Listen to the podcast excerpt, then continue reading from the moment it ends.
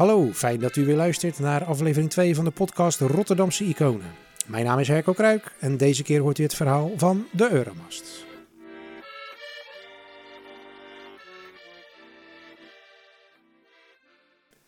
De Rotterdamse architect Huig Maaskant is een van de toonaangevende wederopbouwarchitecten van Nederland en in het bijzonder van Rotterdam. Hier in de stad realiseert hij zijn belangrijkste werken, zoals het Groothandelsgebouw, de Lijnbaanflats of het Hilton Hotel.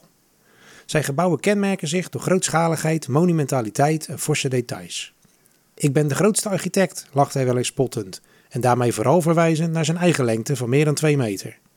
Maaskant ontwierp in totaal 30 kantoren, 50 fabrieken, talloze villa's en huizen, 50 scholen, 3 hotels, de Pier in Scheveningen en de Euromast. De uitkijktoren wordt speciaal gebouwd voor de Floriade, een internationale tuinbouwtentoonstelling die plaatsvindt in het park en het museumpark van maart tot september 1960. Deze beide Floriade-terreinen zijn met elkaar verbonden door een voetbrug en een kabelbaan. En ook over de ingang van de Maastunnel is een brug gelegd om het park met de Euromast te verbinden. Het evenement, met buitenexposities van allerlei bloemen en planten, kassen waarin vele aspecten van de tuinbouw worden belicht en een grote internationale beeldententoonstelling, is een ongekend succes. De Floriade trekt ongeveer 4 miljoen bezoekers, een nationaal record. Nog nooit kwamen er zoveel mensen naar een tentoonstelling. Nu wilde het Rotterdamse gemeentebestuur graag een bouwwerk oprichten dat niet alleen uitzicht bood over de tentoonstelling in het park, maar dat ook als blijvend monument de trots van de stad Rotterdam liet zien. Bij de eerdere wederopbouwmanifestatie E55 waren daar al plannen voor, maar dat bleek toen onhaalbaar. Destijds stond een ontwerp van architect Bakema op de nominatie om gerealiseerd te worden. Hij ontwierp een toren bestaande uit vier uitwaaierende cabines die op kolommen steunden en in balans werden gehouden door aluminium kabels. Maar de organisatie koos bij de start van de voorbereidingen op de Floriade toch voor architect Maaskant. Eind 1957 werd hij gevraagd een uitkijktoren te ontwerpen en in augustus 1958 presenteerde hij het plan. Zijn toren bleek een stuk goedkoper, zo'n 4 miljoen gulden, en ook in korte tijd te realiseren. Dus Rotterdam koos voor Maaskant. Maar het comité Rotterdamse Uitkijktoren in oprichting kreeg geen financiële steun van de gemeente. Wel werd de grond in erfpacht ter beschikking gesteld door het stadsbestuur. Omdat er al twee derde van de benodigde 3 miljoen gulden door particulieren was toegezegd en de organisatie van de Floriade zich garant stelde, werden de plannen vol gas doorgezet. Aan den slag dus. Op 10 december 1958 slaat burgemeester van Walsum de eerste van in totaal 130 heipalen. De Euromast wordt tot dan toe in de plannen trouwens nog Eurotoren genoemd. Maar vanaf dat moment kiest men voor Euromast. Euro omdat Rotterdam in het hart van het Euromarktgebied ligt en mast omdat dat in veel talen hetzelfde betekent en omdat het natuurlijk verwijst naar de scheepvaart en de haven. Op de heipalen wordt door aannemer JP van Eesteren een 3 meter dikke funderingsplaat gemonteerd als tegenwicht voor de bovengrondse constructie. Zo ligt het zwaartepunt onder de grond voor maximale stabiliteit. De mast met een diameter van 9 meter schiet vervolgens razendsnel de lucht in en al op 26 maart wordt het hoogste punt van 100 meter bereikt. De Rotterdammers zijn trots op zoveel snelheid en daadkracht en al snel gaat de volgende mop in de ronde. Er zitten een Belg, een Duitser en een Nederlander in de trein op weg naar Rotterdam. De Belg zegt tegen de Duitser dat zij binnen twee jaar een compleet kasteel hebben gebouwd met alles erop en eraan. Waarop de Duitser tegen die Belg zegt dat dat nog niets is, want zij hebben een complete fabriek gebouwd met productlijn en afzetgebied in slechts één jaar tijd.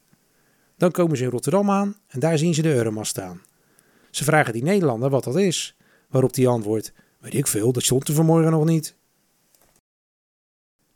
Bovenop de toren is een stalen kraaiennest voorzien met uitkijkplatform en restaurant. Dat wordt gebouwd aan de voet van de mast en het hele gevaarte wordt in vijf dagen tijd op ingenieuze wijze naar boven gehesen. Honderden Rotterdammers kijken op de warme zomeravonden in juli toe hoe het met een snelheid van 15 cm per kwartier langs de paal naar de top schuift. Daarnaast had Maaskant op 32 meter hoogte een replica van een scheepsbrug voorzien, compleet met navigatieapparatuur en een kaartenkamer. In deze ruimte moet het publiek kunnen ervaren wat het betekent om een zeeschip te besturen.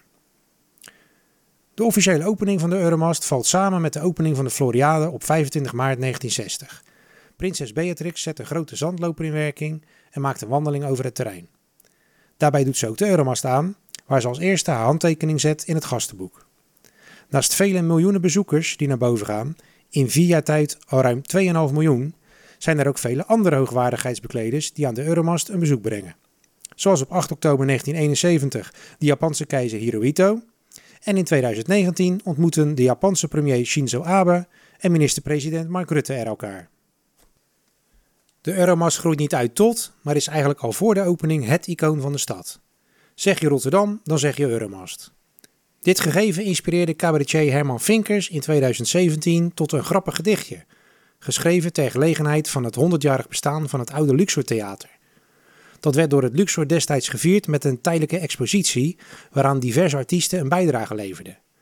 Vinkers schreef kort maar krachtig: Londen heeft de Royal Albert Hall, New York de Carnegie Hall, Parijs heeft het Olympia en Rotterdam de Euromast. De uitkijktoren komt als trots van de stad natuurlijk in vele Rotterdamse odes en liedjes voor. Zo zingt Henk Numeijer in het lied Hey Rotterdam. Staat er dan de Euromast, vol trots en veel bravoer. Een stukje Rotterdam, een stad, dynamisch, sterk en stoer. Oh, een stad is dat, oh, een stad is dat. Simon Stokvis rijmt in zijn lied Rotterdam wordt wakker als volgt. De euromast trilt van de kou, terwijl dat doet hij niet zo gauw. Staat met zijn voeten in de maas, oh nee net niet, hij staat ernaast. Is vijf uur, Rotterdam wordt wakker. Zoals iedereen weet hebben iconische bouwwerken in Rotterdam vaak een bijnaam. Maar niet de Euromast. Er zijn suggesties gedaan, maar die zijn niet massaal in de volksmond overgenomen. De parkpaal bekt nog wel lekker, maar de stijve van Maaskant is zelfs voor Rotterdammers nog te plat. De Reus van Rotterdam, zo wordt de toren aanvankelijk nog wel genoemd.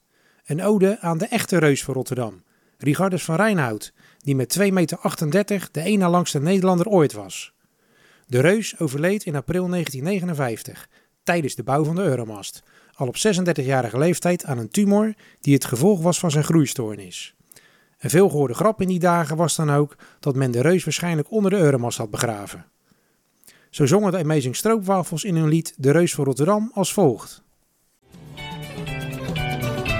Sinds de Euromast voltooid was, amper één jaar na zijn dood, leek het of als kostume hulde, Rotterdam de lucht in schoot. Schrijver Bart Chabot bracht de toren onlangs in verband met een andere beroemde Rotterdammer, dichter Jules Deelder. Daags na zijn overlijden in 2019 sprak Chabot op de herdenkingsbijeenkomst in de Doelen. Over de grote dichter, die zoveel voor Rotterdam had betekend, zei hij: Deze ogenschijnlijk kleine gestalte was vele malen groter dan de Euromast. Acteur John Buisman voegde daaraan toe: Er is eigenlijk niks zo Rotterdams als Jules. Van mij mag de Euromast ompleuren. Er is niemand zo goed in het uitleggen van Rotterdam als Jules dat doet. Deelde zelf, bepaald niet vies van wat zwaar aangezette Amsterdam-aversie, begon ooit een aflevering van het tv-programma Neon, dat hij presenteerde vanaf de Dam in Amsterdam, met de volgende aankondiging. Wij bevinden ons thans in het tragisch centrum, ook wel bekend als Amsterdam. Daarmee de eretitel Magisch Centrum bespottend, die Amsterdam sinds de jaren 60 met trots droeg. In hetzelfde programma verklaarde hij dat het nogal fallies ogende Nationaal Monument op de Dam, oftewel de Pik van Amsterdam, zou worden opgeslagen in de Pik van Rotterdam, namelijk de Euromast, die natuurlijk veel langer is. De toren zelf kreeg dus geen beklijvende bijnaam, maar werd wel de informele naamgever van zijn locatie. Het park, wat de officiële naam is van het park, wordt door veel Rotterdammers het Euromastpark genoemd. Bijnamen kwamen er overigens nog wel voor de Space Tower, waarmee de mast in 1970 is verhoogd. Vanwege de Euroscoop, de ringvormige cabine die om de stalen schacht omhoog draait, spraken enkele Rotterdammers met de nodige fantasie van de Erosmast of de Euromasturbator. Juist ja. Ja, die Space Tower, wat is daar het verhaal achter? Wel nu, in 1968 verloor de Euromast het hoogterecord aan de 114 meter hoge medische faculteit die naast het Dijkzicht ziekenhuis was gebouwd. Voor C70, opnieuw een grote Rotterdamse manifestatie, werd de Euromast daarom uitgebreid met de Space Tower, om zo tot een hoogte van 185 meter te komen en opnieuw het hoogste gebouw van Rotterdam te zijn. Het eerste idee was trouwens om de Space Toren op de begaande grond te plaatsen. Bijna hadden we dus twee torens gehad, de Euromast en Space Tower, die bij de Leuvenhaven was gepland. Men realiseerde zich echter tijdig dat twee afzonderlijke kleintjes niet één grote maken. Een technisch onderzoek werd gestart en dat wees gelukkig uit dat de Euromast sterk genoeg was om deze extra constructie te dragen en de mast goed te verankeren. Zo gezegd, zo gedaan. Een 140 meter hoge kraan klaarde de klus en op 5 juni 1970 werd de verhoogde Euromast voor bezoekers opengesteld. Rotterdam verkeerde opnieuw in hogere sferen. Zeker ook omdat Feyenoord een maand eerder als eerste club van Nederland de Europa Cup 1 had gewonnen. Weet je wat we doen, grapten de Rotterdammers met elkaar. We zetten die cup bovenop de Euromast, dan kunnen ze hem in Amsterdam ook goed zien. Nou gezien hebben ze hem daar, iets te goed zelfs, want de jaren daarna wonnen zij die cup met de grote oren. Sowieso heeft het horen tot veel humor geleid. Op social media verschijnt tegenwoordig standaard na elke flinke storm een plaatje met een scheefstaande Euromast. Een bekend verhaal gaat over een groep toeristen die zich tijdens een bustour door Rotterdam meermaals laatdunkend uitlieten over de stad. Aangekomen bij de Euromast zei een van hen: En wat is dat voor een uit de kluiten gewassen vlaggenmast? Waarop de Rotterdamse buschauffeur nuchter reageerde: Dat is de reservemasttunnel, meneer. Of deze. Een vervente Sparta en Feyenoord supporter staan samen op de Euromast. De Kuip op Zuid is goed zichtbaar, maar het kasteel in West is maar moeilijk te ontwaren. Tja, zo zegt die Feyenoord-fan spottend. Zal je altijd zien, staat precies een auto voor geparkeerd. Het lachen verging echter een groep van 25 leraren van basisschool Het Spectrum uit Nesselanden op 6 februari 2020. De school vierde die dag het ontvangen van het predicaat Excellente School met een etentje op de Euromast onder het motto We hebben de school op grote hoogte gebracht, laten we op grote hoogte gaan dineren. Na het hoofdgerecht ging de groep in de Euroscoop omhoog. Die kwam echter urenlang vast te zitten en pas om half vijf in de ochtend kon de groep moe, dorstig en verkleumd worden bevrijd. Volgende keer doen we weer gewoon de pizzeria om de hoek hoor, zo reageerde een van de leraren nog laconiek. De in 2016 overleden Rotterdamse zanger en liedjeschrijver Nelis van Velen schreef voor de Hoogvlietse carnavalsvereniging De Snuffelpalen de nogal dubbelzinnige carnavalskraker Als de Euromast in de tunnel past. En die gaat zo. Als de Euromast in de tunnel past, dan weet je het zeker al. Het is weer carnaval. Als de Euromast past, dan is het carnaval. Ook Paul de Leeuws typetje Bob de Roy deed een nogal zunnige duit in het zakje met dit lied uit 1993. heb een euromaas. Met flinke vaart vooruit, ik heb een euromaas. En gaat over fluit, ik heb een euromaas. Hij rijdt haast om mijn kin, ik heb een Die klimt er lekker in. Ja, boppers, kijk nou eens. Terug naar serieuzere zaken, zoals de onontkoombare feitjes en weetjes. Deze bijvoorbeeld.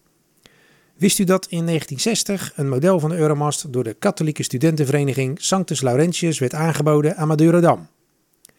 En wist u dat een renovatie in 2004 door de bekende meubel- en interieurontwerper Jan de Bouvry werd uitgevoerd en dat het sindsdien mogelijk is in een hotelkamer te overnachten op de Euromast?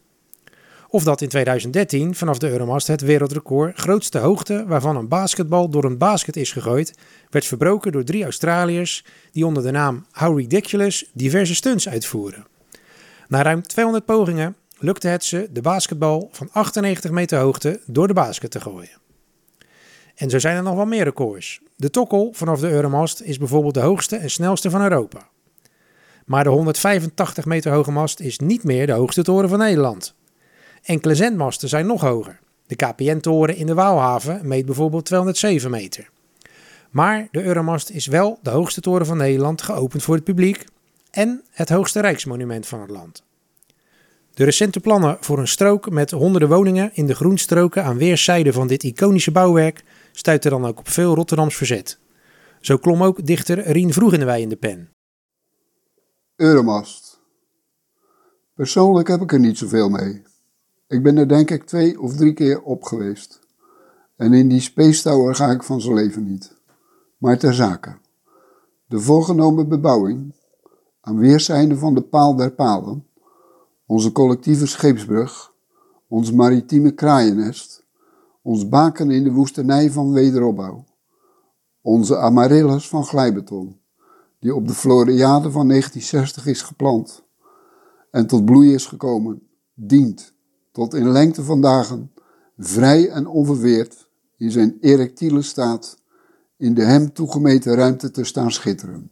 Al mag, Wat mij betreft, s'nachts dat licht wel uit.